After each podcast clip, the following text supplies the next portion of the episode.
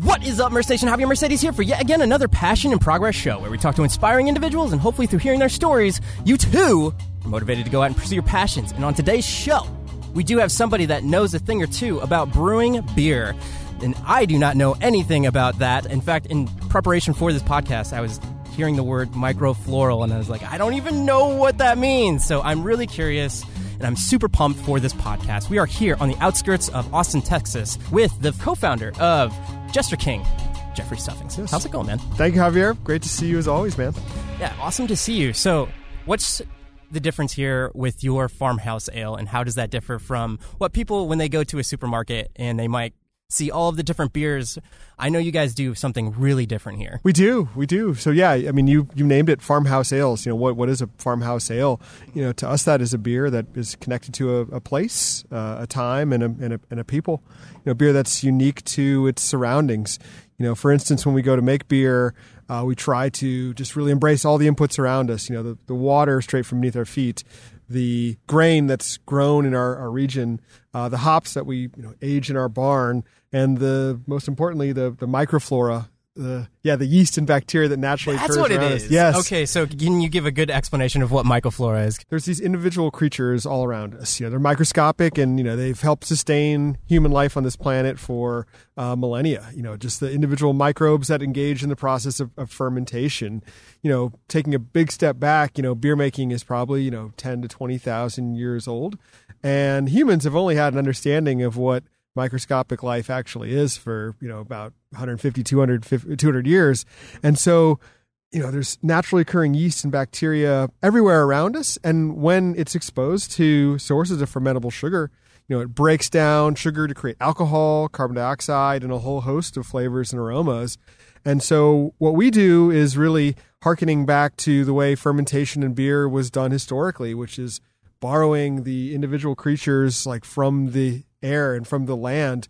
And when you do that, you don't have as much control over the beer making process, but you do have a unique connection to place. You know, the winemakers call it terroir, meaning that sense of place, that connection to the land, the air, the ground. And so if there's like really anything that like ties our beer to the surrounding environment, it is the wild yeast and bacteria that's all around us, uh, also known as the microflora.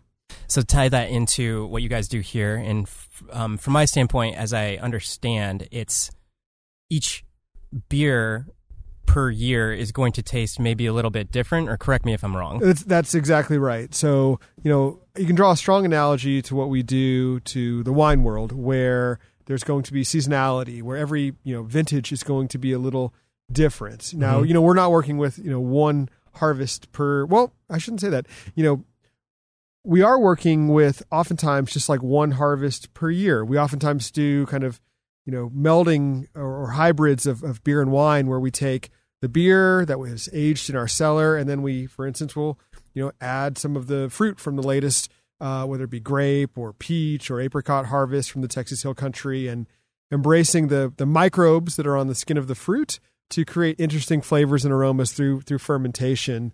Yeah, there's going to be a lot of just kind of natural variation. Mhm. Um, I mean, most beer is going to be highly engineered, where you are basically bending nature to your will to create something that's going to be exactly the same every time, and and that's not a bad thing at all. But as a farmhouse brewery, I think there has to be that connection to our land and our air and our environment, and letting those kind of drive the car. We're kind of in the passenger seat when it comes to making beer. We're going to let nature kind of steer the direction it goes and then ultimately decide if what nature produces is worth sharing with with our, our customers. Um, so I, I oftentimes refer to what we do as, as a partnership uh, with nature. Um, you know, for instance, like a farmer isn't going to just plant his or her crops and say, okay, September 25th, that's when I'm harvesting. It's it's going to be you know, patience and waiting for nature to ultimately dictate the results. And then when you feel they're at their best representation of, of, of what it is you're seeking to create, then at that point, kind of harvesting. So that's kind of how it is with our beer. We let nature kind of dictate where it goes. And when we feel it's in a state that is exciting for us to share, that's when we kind of harvest, so to speak, and then uh, share what we make. Yeah, you mentioned patience, and I think that is a very big attribute to what you do here. And can you explain the process of spontaneous fermentation and how much patience you need in order to pull that off? Yes, it, uh, I would. As far as I'm aware, it is really the most patient form of, of beer making, where mm-hmm. you're just allowing the ambient yeast from the night air uh, ferment the beer. This is one of the oldest forms of beer making on the the planet. Um, the process is quite simple. Uh, we use this vessel, which is called a, a, coolship. It's a large open air, basically a trough. Ours is made of copper, and we wait for a, a cold night of the year you know, being in Central Texas. That doesn't happen very yeah, often. Yeah, yeah, exactly. yeah. You know, we have maybe um, 10 to 20 nights a year. Um, but for a small brewery like us, that's that's okay, you know, because we can still get, you know, one or two dozen brew days in and, and that's that's fine. So we uh, fill the coolship up with unfermented beer right about like about like this time of night, like seven o'clock, sun's going down, it's starting to cool off. And then we open the windows and then let the night air just start flowing into the room and letting the individual you know creatures that are in the night air the microflora to come into the room uh, land in the coolship, and then just inoculate that unfermented beer with just millions of little microscopic yeast and bacteria that then will ferment the beer on its own it's almost like magic because the beer just almost magically or on its own transforms from sugary water to to beer. Uh, and again, this is the way all beer would have been made. The first beer we can only assume was probably when someone left some grains sitting out overnight in a vessel and it rained and they became soggy and uh, just some of the naturally occurring enzymes converted starch into sugar and then the wild yeast from the air transformed it into beer and someone was brave enough to drink it and you know mm-hmm. that became history so you know, what is spontaneous fermentation? It's just relying on the ambient yeast from the air to create the beer.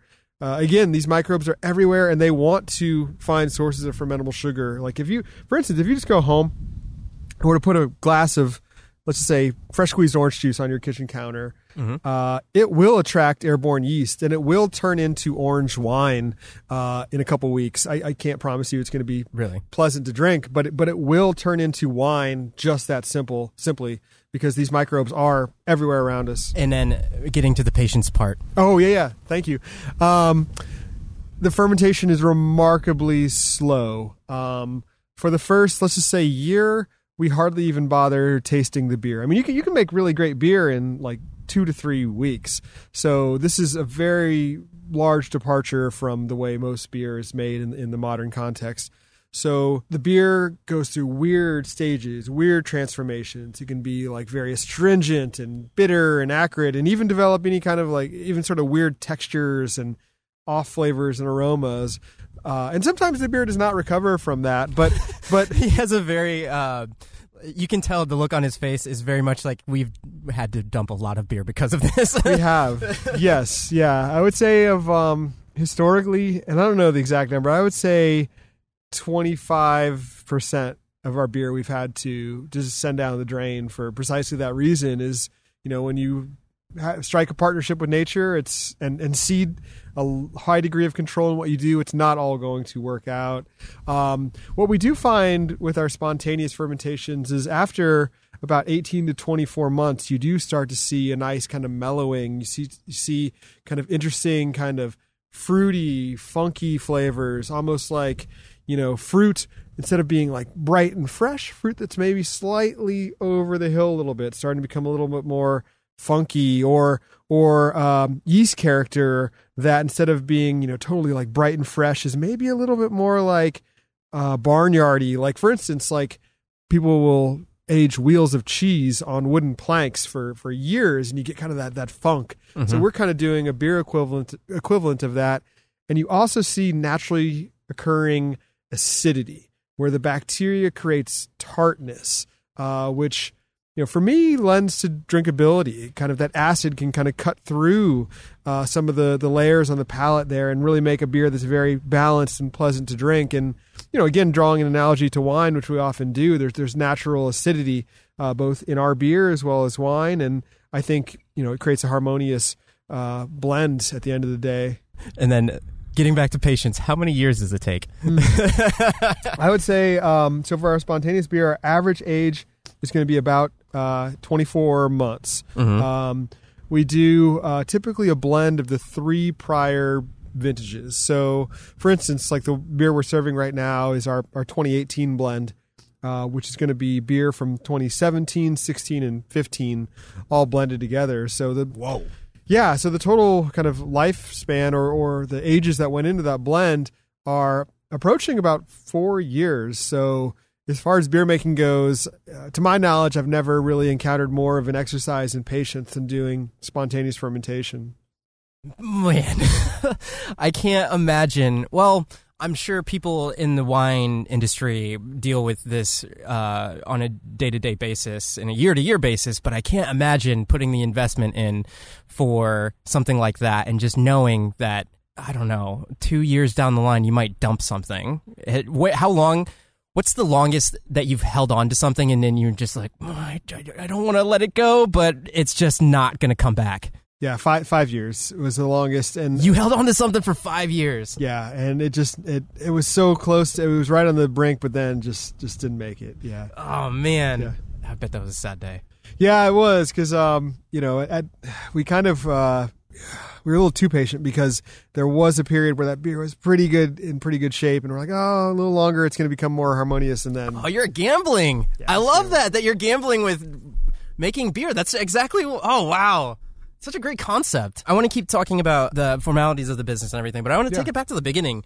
Your origin story of how you got into this, because I know you were practicing law Yeah. beforehand. uh, yes, as you as you mentioned, uh, I was I was a lawyer for a number of years, and you know, I think what kind of led me in that direction was, you know, I was a government major in uh, in, in college, and you know, thought I wanted to kind of go out in that vein and you know change the world and get into elected politics or at least like help in, in that area and kind of Your, your major was in political science, wasn't it? it was, yeah, exactly. And so I, you know, headed down the path, uh, you know, kind of this very kind of more traditional, tried and true path, and then ultimately got very kind of disaffected from that world, and um, you know, just a lot of uh, negativity in that environment, and and just a lot of just kind of very like staid, like black and white, just I don't know, an environment that wasn't very creative or expressive, and wanted kind of to get out of that world and do something totally different. Uh, meanwhile, uh, homebrewing was my passion. Can you give a context of the year?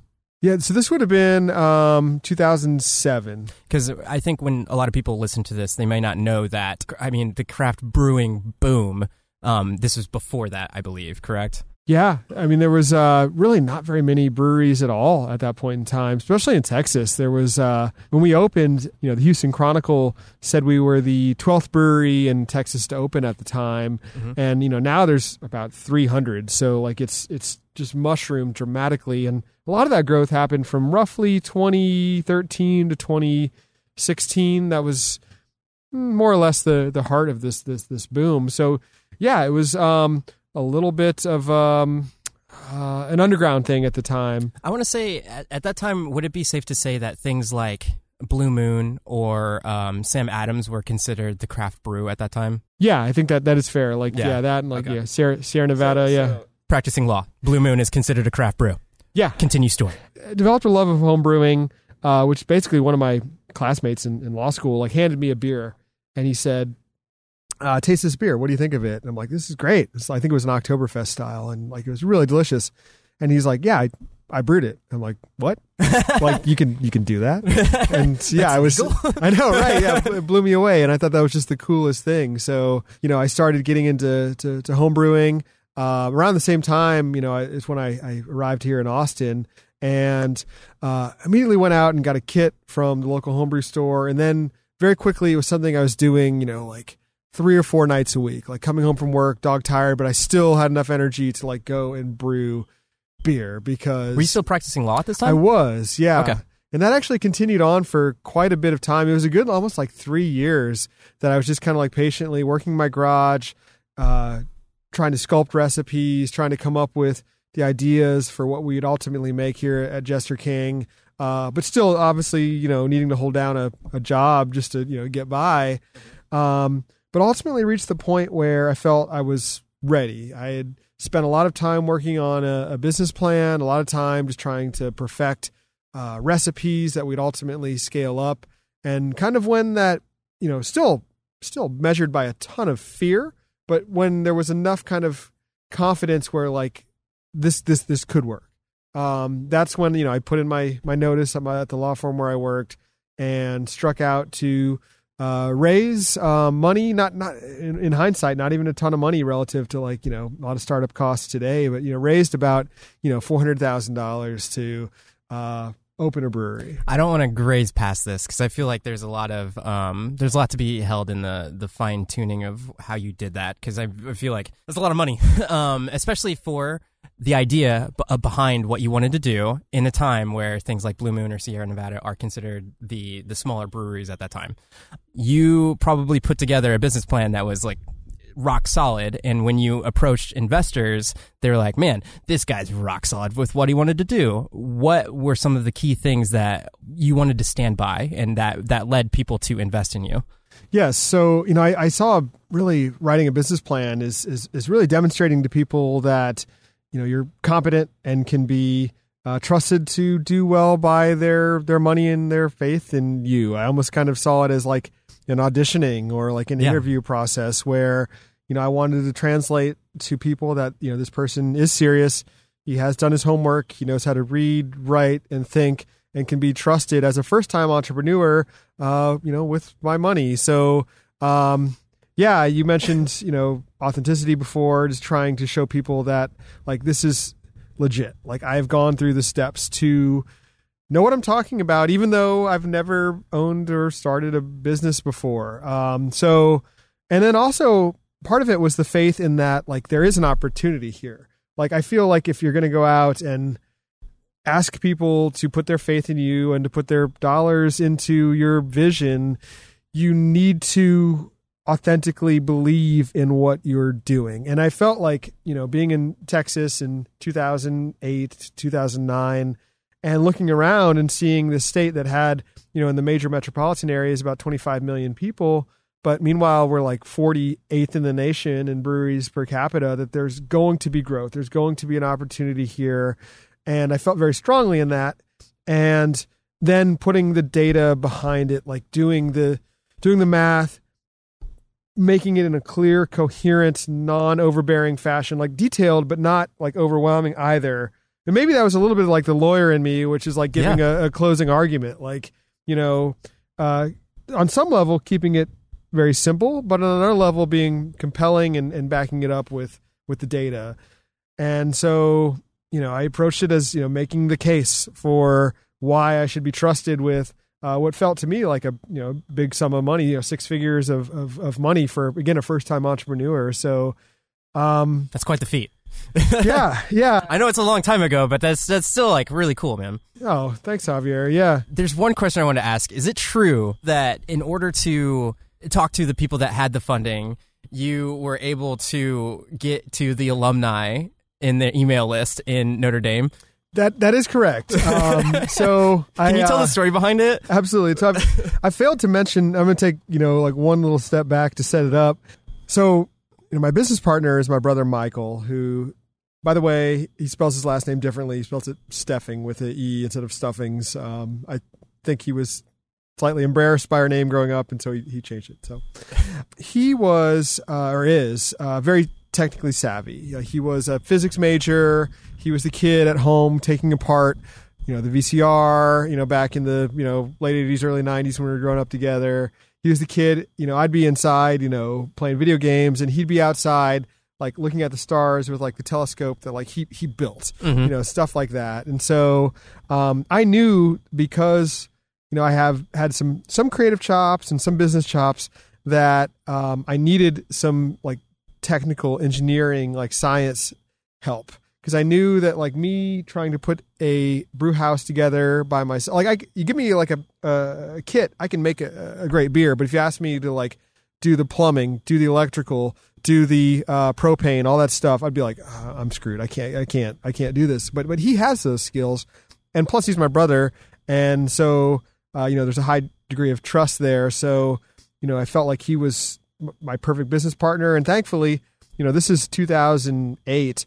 You know, the financial markets are are melting down. He was working for a bank in Chicago doing like you know investment banking stuff. So he was kind of happy to you know leave that that world at that time. So he comes down and you know I'm like, okay, Michael, we've got this good business plan. I think we've got you know test beers or prototype beers You that were are pitching this in 2008. yeah yeah. A lot of people were saying like we're Wow. yeah That's a little fact to, that was left out. Dang. Uh, Yeah. but, uh, continue. Yeah, that was that was very intimidating actually when, you know, it's it's we're getting just just about ready to put our plan in front of investors and meanwhile like some of the biggest banks in the world are either going under or just like on total just like hold because stuff's melting down. So, um that was that was intimidating, but so Michael you know, I, I, you know, having, you know, I'm a Notre Dame alum like your brother, and um, you know, I, I, when you're at Notre Dame, part of the indoctrination is they tell you about like kind of the power of like the the, the network there, which which is is very true. Yeah. And so I'm like, how do we tap into this network? And you know, my idea is like, okay, I'll just like start, you know, uh, calling some folks, maybe like setting up some coffees or whatever. And Yeah. Michael's like, I'm going to hack into their alumni database on their website, like like just lift all the email addresses and then like you target it targeted it for like the greater like Austin, Dallas and, and Houston areas. and and you know, I after having quit my job and gone through all the time and effort to like try to get this business started, I must admit I was not above spamming the entire Texas Alumni. Yeah, alumni. and so uh and so we so we did and um I don't know what our like quote hit rate was, but all of a sudden we had, you know, roughly like 15 people uh knocking on our door saying tell us more and ultimately we were parla- able to parlay that into a significant piece of our, our funding. So it, it, it, it worked. Love that. Yeah, we only you know actually Notre Dame did send us a. Uh, I thought I thought we'd we'd get more heat for it. They all we got was really just a. Uh, please don't do that again. Uh, letter. that was. Wasn't it that I don't know if you got blacklisted or something like that, but then they like did they put you on some sort of list like, hey, stop doing this, and then like lo and behold, uh, I mean, many years down the line now where you're at, you were got a whole page spread in um, the alumni, whatever that is. Can you Right. can you explain it a little bit? Yeah. So I think uh, you know, kind of one department or hand wasn't talking to the other because like right around the time I think the alumni society was saying like don't do that. Was the same time the Notre Dame uh, they're called the Irish Angels, like the uh, VC or, or you know a group uh, for Notre Dame invited us to come present at their annual conference. so, yeah, it, was so you were in their bad graces and also in their good, Good graces, at the yeah. same exact time. yeah. So Awesome, man. yeah, I would do it again. I I love I love the um I love hearing stuff like that because it's I forget who I heard this from, but there's like certain ways to go about when you're an entrepreneur and you're pursuing the business that you want, and they. I, I forget the analogy, but it's something where if you're in a line to go into a nightclub and there's all the people that are in the line to go into the nightclub waiting to get in, and then that's like the normal way of doing things. But then there's always there's always those people that can like find their way in the back way, and it's I feel like those are the ones that are always like the most successful, and I feel like that's a good story. That's like the the finding the way, and and like how do you like get all of these little pieces to fall into place to then pursue your dream? which Yeah. I, I think is really cool. Yeah, I mean, I think, I think it certainly takes a, a scrappiness. My my modicum has always been like, you know, do no harm, which which is a relative comment. Like, you know, to me, you know, technically breaking the rules. Uh, I'm like, what's the worst can, that can an happen? email spam, I Yeah, mean, there's exactly, a certain yeah. there's a certain degree there, but yeah, yeah, exactly. So like, you know, do no harm. Make sure that you know no one's life at all ends up in a worse place. And like for me, but otherwise, do what you have to to, to, to do to get it done. And Yeah. you know, I, what I find valuable, and again, I didn't. That was my brother's idea, not mine. But what I generally find very valuable, especially, and this is a bit of a tangent, but especially, you know, this information age where you know through devices like we have just constant bombardment of info, you know, pinging us all the time. You know, I find value in just taking the time to you know put the devices away and just like sit down in a comfortable quiet space and just just just think and just let your mind just kind of you know kind of have an idea in mind of like a problem or um, an issue or or a challenge but nonetheless, just like let your mind just kind of like gel around that for 30 minutes, 45 minutes, and just kind of see where it goes. And I found that very valuable over the years to like come up with ideas how to solve issues that are, you know, holding you back from whatever it is you're trying to do. Yes, very true. Um, sitting down with a pen and paper, writing something at the top of the paper, like thinking about it. Um, I couldn't agree more. I think my version of that is going on walks, spending time outside, Yes. and then um, going and walking for like 45 minutes before I start my day. But I think where that could end up compounded over time is uh, something not to be grazed over. The ability to have the audacity to not look at your phone, not get sidetracked by other things. Because, I mean, if you're running a business, obviously there's always going to be something that can draw you into the trenches. But Right. when you have those higher level problems and you have the time to really designate to thinking about them, like it can, can go so much Yeah. more. You got the funding, you come down, and I know it's during recession time and you start like what did you do did you like you got the land and then you just like out here with backhoes what's that look like Yeah, very very similar to that. So um, we we raised the capital, and then this was um, one of those kind of lucky breaks, I suppose. Um, you know, maybe eighty percent luck and twenty percent of us, you know, fighting hard to get our, our our name out there, trying to build a brand even before we even had a location. But we, you know, started, you know, engaging pretty heavily. You know, we're not trained marketing professionals, and which to this day trying to uh, become more effective marketers. But you know, we started a blog, started telling our story very early on. That's always been important to us is to like tell a story, have something to say, have a unique voice out there in whatever space you're in. So we started to tell the story of Jester King and farmhouse ales and our inspiration. Uh, again, before we even had a location, and uh, we were very fortunate that the uh, Austin Chronicle, our main independent or kind of more cult following publication, did a story on us, um, and that was very advanta- advantageous because a rancher right on the outskirts of, of Southwest Austin here saw that story, was compelled enough by it to reach out to us and say, Hey, y'all sound cool. I like what you're talking about. How would you like to build your brewery on my ranch? And, you know, we were like, Oh, okay. Uh, and we came out here and we're like, this is, uh, this could work. This is cool. Like this has a nice, like rustic hill country feel that kind of, you know, ties in well with the beers we're trying to make. And so kind of from the first afternoon being out here, we were, were sold.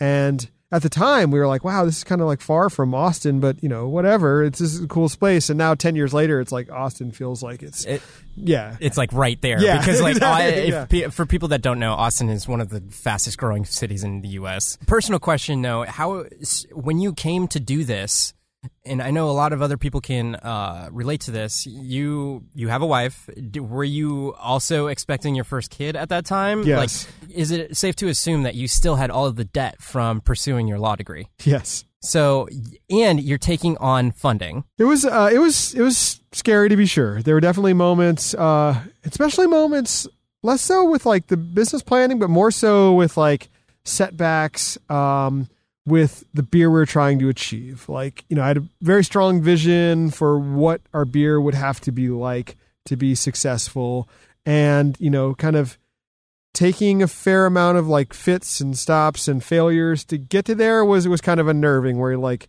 you know some of our first batches of beer we probably dumped you know i mentioned historically we've dumped you know 25% of our barrel aged beer Mm-hmm. that first year is probably more like 75% of our barrel aged beer I can't believe you had the audacity to do that. Compare, well, I guess if if it's something that you just don't want the public to have, then it Yeah. makes sense. But still, that's got to be heart wrenching, especially when you're trying to get off the ground.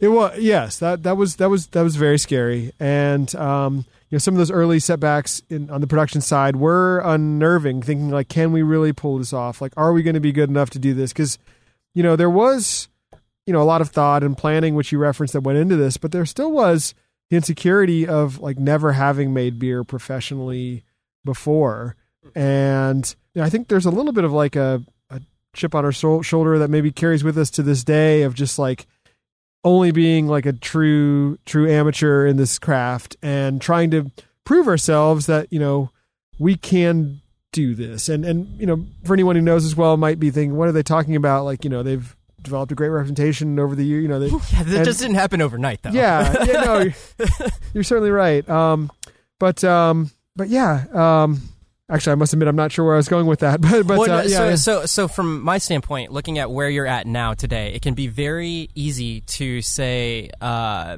"Hey, they're Jester King. When you come to Austin, Texas, you should go check out Jester King and all those things." But like I said, that doesn't happen overnight, and I think a good testament to what you guys have done is the way that your brand presents itself. And it's not, I, I just got done reading this book called Primal Branding. And in it, cool. they talk about um, the idea of there's so much that you want your uh, your entity, just not not even just a brand, but just who you are and everything as a culmination of all of your enterprises, what you want that to be. And there's only so much that you can do to put that out into the world and what that showcases as an opinion for other people to see. But then when it's out in the world, it's everybody else's opinion. Like, all right, this is what we actually think of Jester King, and I think you guys have stuck to your laurels so much that that's what's contributed to where you're at today. I, I agree. Yeah, just, just, just, just, I mean, thank you. Um, I mean, yeah, just having a core philosophy, a core set of principles, and and sticking them, you know, through through change, like being adaptive. Like you know, we, um, you know, the way we pursue beer is is is certainly not the way it was ten years ago, but having nonetheless a core set of principles that we just consider non non negotiable, and you know, going back to you know, again, you hit on such a key important word like authenticity. Be just just be honest. Be tell people who you are, what you believe in, why you're doing what you're doing, why you're not doing what things you're not doing, and just letting people ultimately decide this is something I choose to embrace or is this something that maybe I'm not into? And that's okay because you know I remember one of the essays I read uh, very early on.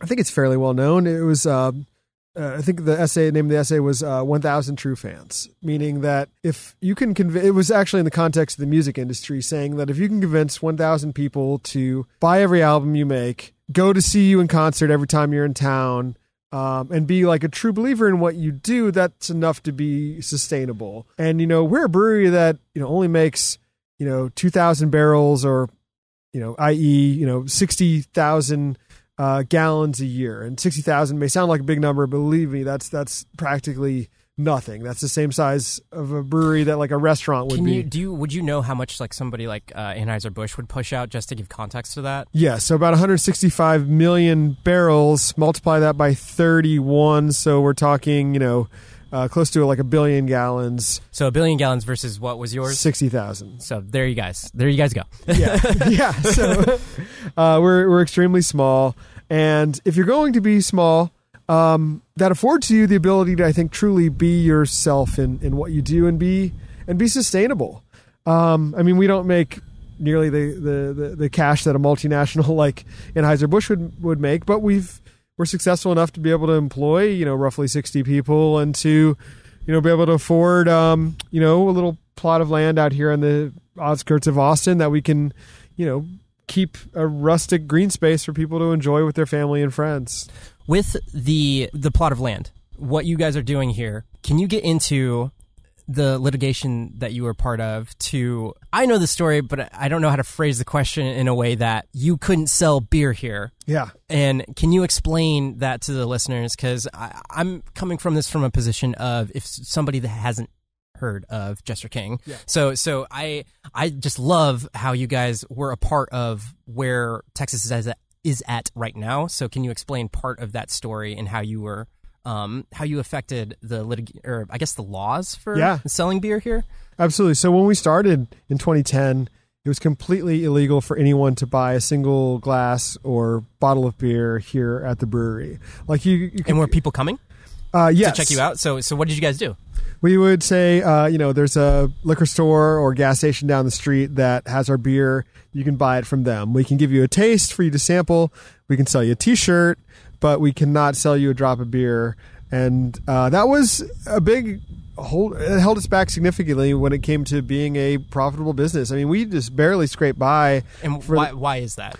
So all, it all comes down to margins. Like when you sell your beer into the distribution channel, um, you're essentially sacrificing roughly 50% of your margin. You know, Mm-hmm. the, the distributor is going to take roughly 25% and the retailer is going to take roughly 25%. So, you know, a $10 bottle of beer, you're seeing $5 on. Now, if you are able to sell that beer at your brewery straight to the customer, you're seeing that full taking out the margin. middleman. Exactly. Yeah. Yes. So um, that was illegal. You know, Texas uh, is a big beer state. It's one of, you know, by virtue of its population and its love of beer, uh, is one of the biggest beer consumption states in, in, in the country, which has naturally attracted, you know, some of the biggest distributors in the country. For instance, the biggest Anheuser-Busch InBev distributor in the country is uh, called Silver Eagle. They're out of Houston. And being a multi-billion dollar corporation, they control a lot of political power. So they've been able to more or less over the years get their way so that they had basically set up the laws where the small brewers could not sell anything on site and they had to go through um, their channels. And then comes somebody that knows a little thing or two about law. Oh well, you know, I I, I, I uh, have been part of the overall struggle to uh, modernize our, our beer laws. Um, you know, myself as well as some of the other uh, breweries in Austin, as well as our our, our guild, as well as um, well the consumers who have been pushing for better beer laws. Um, you know, we were able to achieve some deregulation through. I mean, yes, we did. We we did. You mentioned litigation. We did sue the state over essentially beer freedom when it came to the First Amendment. Like when we started, um, you could not call a beer a beer if it was over five percent alcohol. You had to call it uh, malt liquor or ale. So it created this weird thing where like your pale ale could not be labeled as a beer if it was under 5%. So just like weird things that made no sense. You could also not tell someone where your beer was sold at the time. Like if someone came up to us and said like where can I find your beer? Like I can't know, tell you. Yeah, yeah. really? Yeah, That makes no sense. Not at all. so we ended up uh, filing a First Amendment freedom of speech claim uh, in federal court, and we're successful. The judge sided with us, and you know now we can tell people where our beer is sold. You know we can call it beer regardless of alcohol content. Um, so that was a that was a significant breakthrough.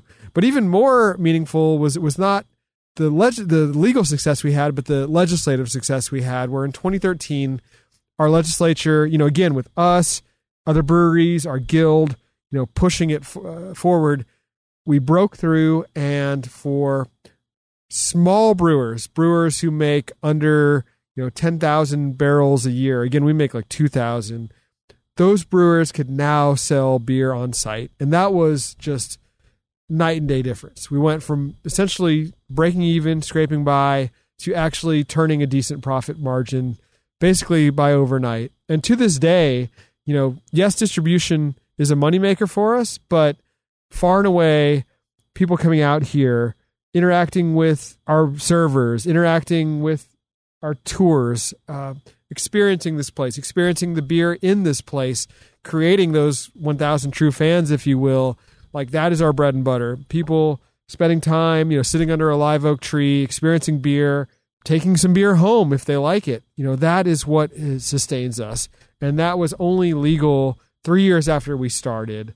And then finally, bringing us to just like a month ago, now after, you know, another almost a decade of struggle, uh, all brewers in Texas can sell their beer uh, to go on site. So we finally, there's still some few laws that are crappy, but we've finally broken through for the most part. And uh, just to give context to the listeners, and I, I think I heard this beforehand, but what number state was Texas to adopt that law? 50 out of 50 in the so United the very last state in all 50 states was able to adopt the idea that hey, you can sell beer out of your brewery. Yes, you know Texas. You know it likes to label itself as very you know very small business friendly, very free markets. But uh, when you get into it, depending on the industry, there are some powerful players that tend to get their way. Uh, and not to sound negative, but that's just one of the sad realities of business. And but finally, finally, we broke through. Talk to me about that business model then, because uh, for me, when I was um, looking from afar and knowing what you were doing here, I was uh, still living in like in Atlanta, and then I knew like, oh, Stuffings is over in Austin doing the Jester King there, Jester King thing here, and then whenever we would come, we would always come and check it out, and it's always awesome to see the growth that's happened over the years, but I was always interested in the business model that you have of it's more profitable to bring people to where you're brewing the beer than distributing it out to the masses. And to me, I, I, I would be in Atlanta and it would it lends itself to the scarcity of what you guys do and uh, how rare it is to come across the beer because just knowing you a little bit, I know whenever I would see Jester King anywhere in Atlanta, I'd be like, I need to buy that right now because I know the person that did the thing with the things. And then I would proceed to like tell everybody around me about what you're doing here.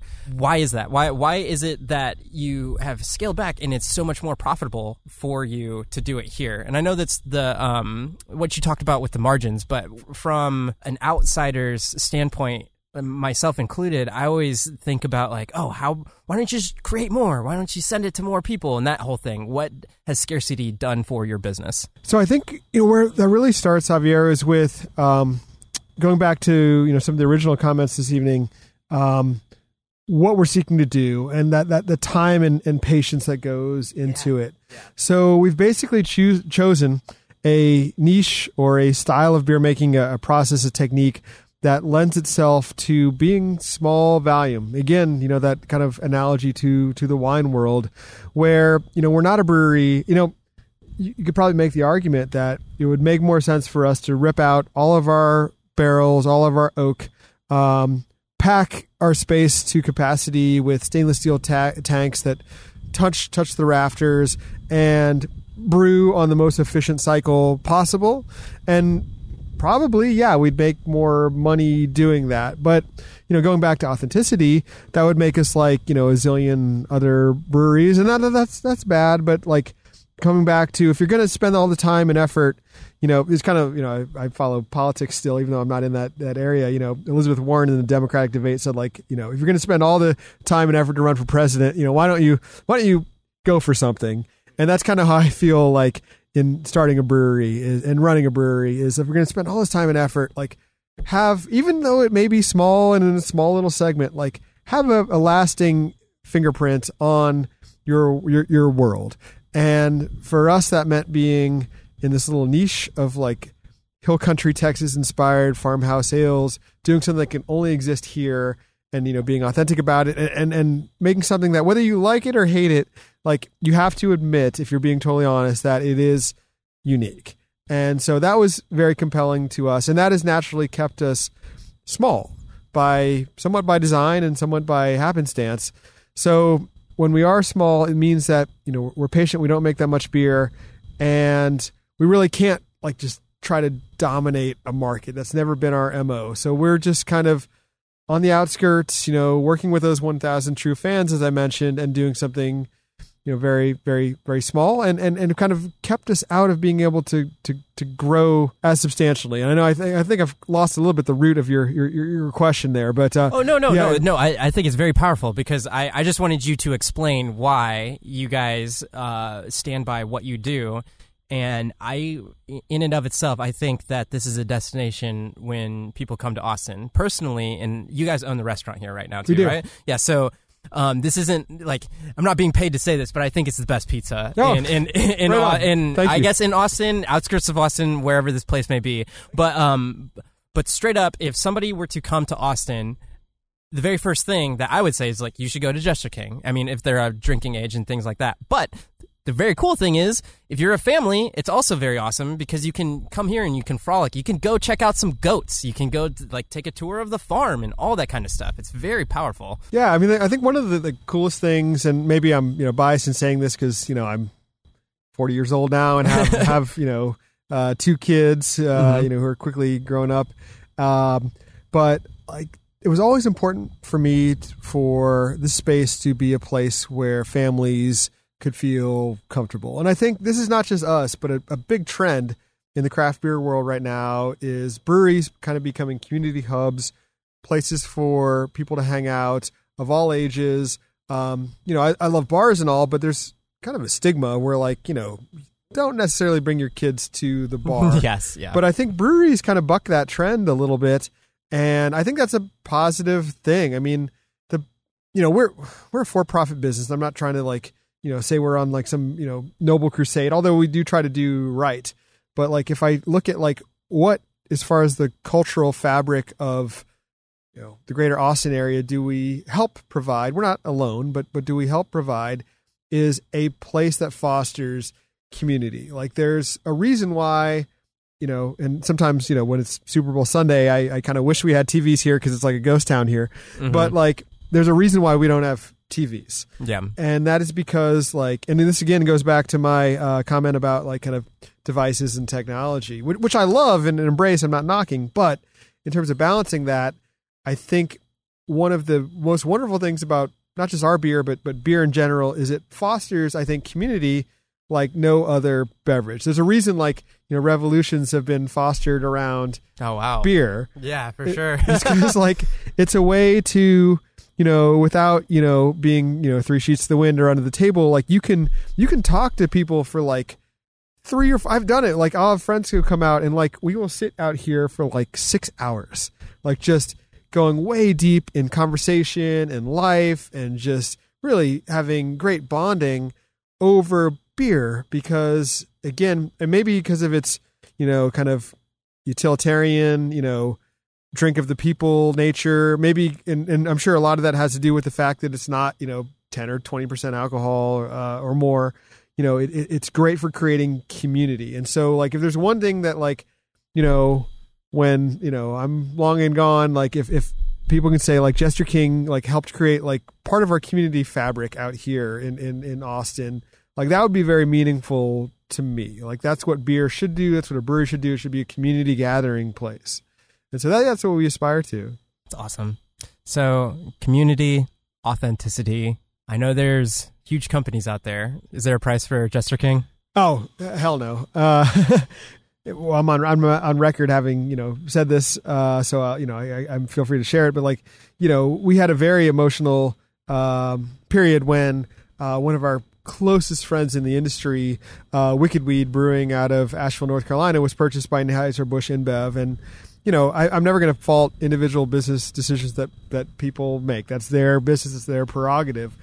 Um, however, you know, professionally, uh, we had to part ways because that's just they, um, you know, multinational breweries do not have the same agendas that small independent craft producers do, and we don't want to ally ourselves with uh, corporations that don't share our ethics and don't don't really, I think, care about independence, don't care about craft. I mean, we we're very close friends and supporters of a lot of other breweries out there, and it's not a zero sum game to us. We're trying to build a category, build an industry, build a niche.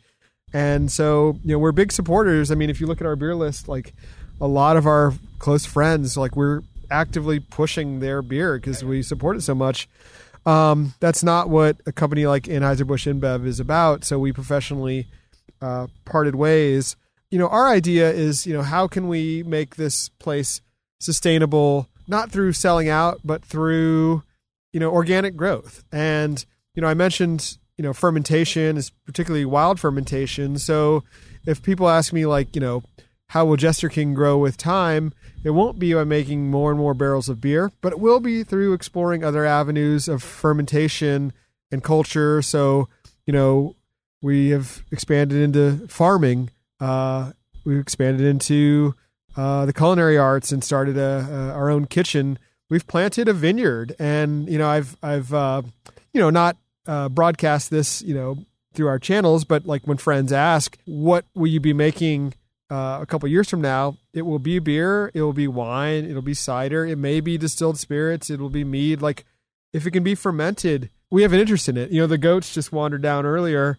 You know we plan to make goat cheese. So like if those microbes that i mentioned want to change it into a fermented food or beverage, we will do it. So there will be growth for us, but it won't be uh, the growth that leads you to selling out. Yeah, yeah. There's a concept going back to the book that I just read, the Primal Branding. There's a concept that um, uh, I'll talk about it in terms of Mac and Windows. If you're Mac and you say some sort of comment that is about Windows, then that will lead the certain people that really love Macintosh computers to either love or hate you. So in your in your circumstance, the more and more that you can stand by what you actually believe in, the more and more people can get what you're about. And I think in doing that, you build those hundred or thousand true fans and then some. Absolutely, Javi. You want to keep growing. What about your family? Is it a legacy thing? Because you're doing some amazing things here. Would you ever see your kids taking over what's going on here? What's like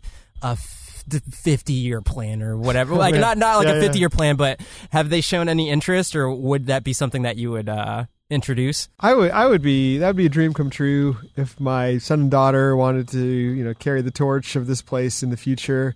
Um, but you know, uh, I mean, you know, you're a dad, like whatever their interest exactly. in fancy, yeah. you know, takes them. You know, I mean, the whole concept of like when it comes to children, like unconditional love, I think is the best thing you can provide a child. Like no matter what, no matter how bad you screw up or, or don't screw up or whatever happens, like just know like I will be here for you. You know, no matter what you decide, what you do, who you are, who you aren't are like to me that's um, like just the cornerstone of, of being a, a parent so um, if that leads them down to you know take over for me I, I, I hope that happens. I'm sure they'll know a thing or two about fer- fermentation. Yeah, I mean they've literally grow. I mean it's funny, like you know, um, when during the construction phase, like I would just have my daughter like in a playpen, like in the corner, where we're working, you know, with heavy equipment and stuff like, you know, just a couple, you know, yards away. Uh, you know, so I mean, or like, you know, back in the day, like when I wore uh, with my brother, you know, all all the hats. Um, you know, I would have her like strapped into her little car seat in the back of the car, and like in the other seat in the back seat would be like a keg like seat belted into the car, and like you know, I was taken out of the bar, and like I literally like walk into the bar, you know, to deliver the kegs like with her and like the little baby baby car- carrier and I'm sure the bar owners would understand. Oh yeah, they, they were totally cool about it. And, and, the cool thing is like when you sell your beer to other places that like truly care about beer, like they they get it. Like yeah.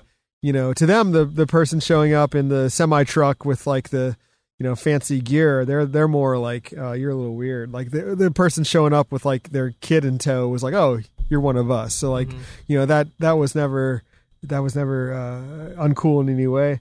The short answer is yes, that would be amazing. But if if not, you know, the cool thing is like, you know, we now being a business that's about to turn nine or turns nine this month.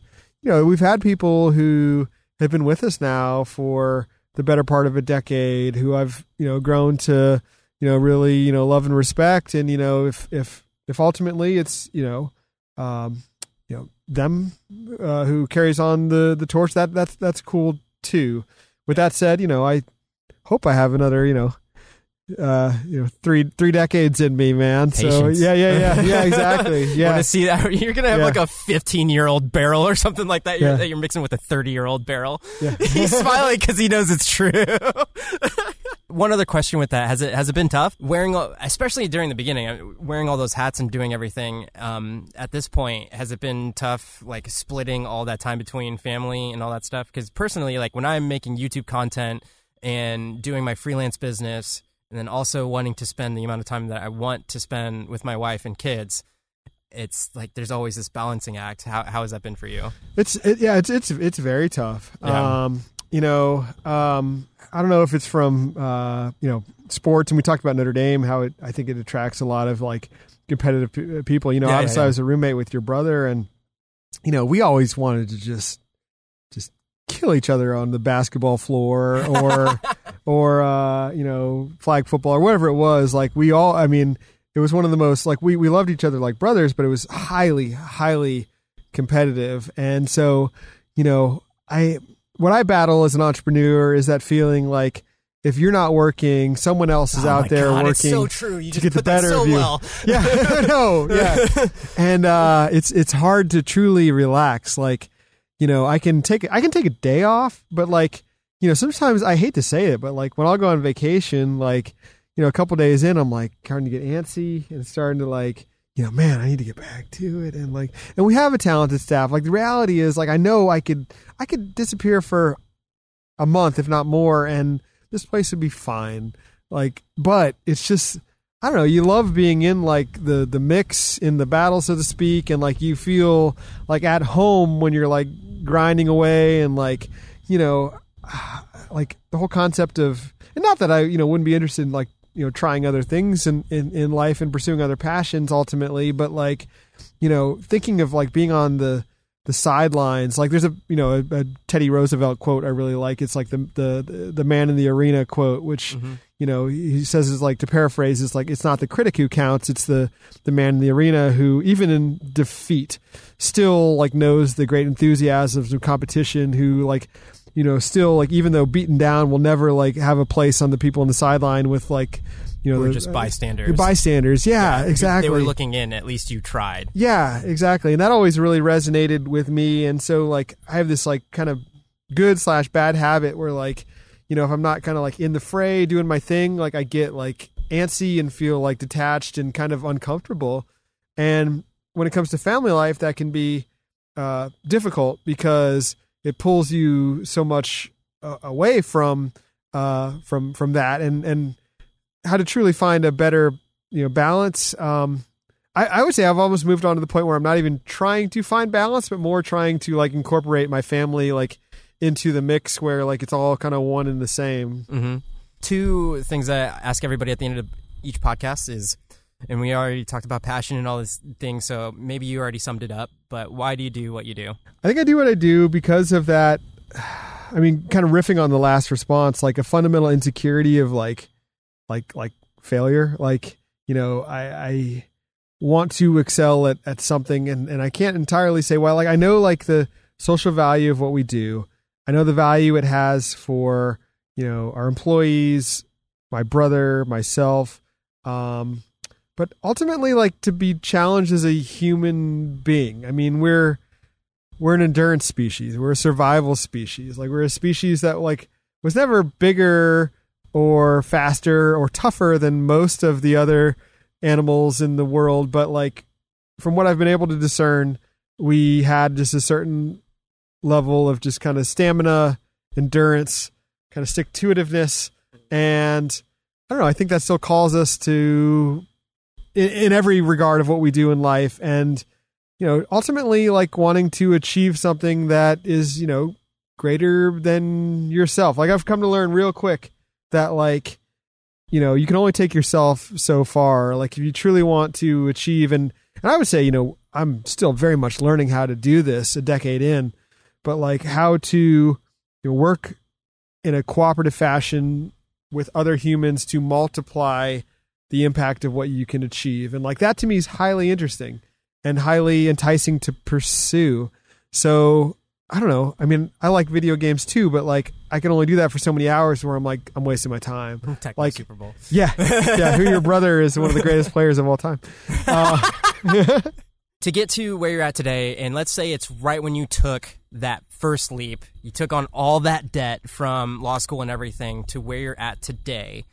What advice would you give to somebody to get um, to where you're at today? And I know that there's probably a lot of things that you could say, but what would you if somebody wanted to be wanted to be brewing beer as their passion um, like you are today what would you say i would say um, have kind of a clear concise vision that's based on your own likes and interests i mean it's not going to be totally slanted towards like well i only like this so i'm only going to make this so not that kind of narrowly focused but start with and, and not just beer but like whatever it is like I mean, you. I mean, you. You said the magic word at the outset of this podcast. You said, you know, what does authenticity may, mean to you? And I'm like, you know, Javi, you just identified like the the key word. Like, be authentic. Like, be true to yourself, and the rest will kind of, through hard work, kind of write its own narrative. So I would yeah, like to yeah. put a well. I, am totally cutting you off, and no, I don't know if the listeners are going to be mad about that, but I think part of this also keys into if you don't know how to be authentic, just start trying to do things. Just start doing something, and you'll start to know real quick. I like doing this, and I don't like doing that, so I'm going to avoid that thing. And that, in and of itself, helps to create your authentic self. Would you agree? I would absolutely agree. Yes, uh, stand for something. You know, have have a story to tell. You know, be totally open, like warts and all. You know, here's what we're good at. Here's what we're not good at. Here's what we believe in. Here's how we approach things. You know, be be an open book. You know, don't try to put on a veneer of what you think people will like. Just you know, be yourself as, and, and that will kind of carry through as an extension to your your business, and that will resonate with enough people combined with the hard work and dedication to be successful. So, you know, I think it's just like your parents probably said when you had an issue as, you know, an elementary school kid, like just just, just be yourself. Just be yourself. I love whenever I ask that question, and most of the time it's the simplest of advice. But the reason why it's these phrases or these the culmination of words that a lot of people always hear is it's for a reason because most of the time simple advice is probably the most true thing that you could hear or abide by. How can people learn more about jester king? Um, well um, certainly if you come to the austin area uh, we are only uh, 14 miles from the state capital so not a far uh, drive. So i always feel like for people to appreciate what we do seeing it in person is uh, the best way to it. if you come to Austin, you have to come here. oh, well, thank you, Javi. I mean, that, that means. Well, it's true. Yeah, yeah. No, I, I would agree. I think, you know, I think we, we offer something unique and meaningful and, uh, yeah, we, we should be on that short list of people, uh, places people visit when they're here. Mm-hmm. Uh, aside from that, you know, we're very active on our website, blog, and social media.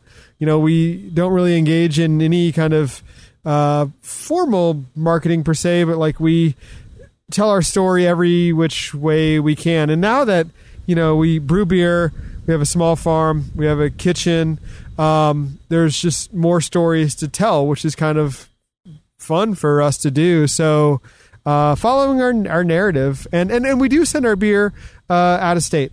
Uh, we sell most of it on site here at the brewery, but we also distribute you know small periodic shipments to other parts of the United States, as well as occasionally uh, Europe and uh, I think the farthest we've ever well, we sent beer to Australia once. So I think that's the farthest we ever got from here. For me, it's analogous to catching a rare Pokemon. I don't know if anybody's ever said that, but um, straight up, when you see a bottle of Jester King, please uh, treat yourself. Treat yourself to it. Uh, if you are not in the Austin area, and it's it's one of those rare gems out in the out in the wild. If you if you find it, please please please uh, invest in some amazing beer. Thank you so much for your time, Jeff. Oh, thanks, Javier. Really appreciate it. Yeah, and until next episode, if you did like this episode, you could share it out with a friend. You know, you could text it. You could also probably just hand write the URL link in a piece of parcel and mail it to somebody. That'd be awesome. If somebody did that, please tell me because that would be amazing. Um, until next episode, live a life of abundance, and I'll see you guys on the next podcast.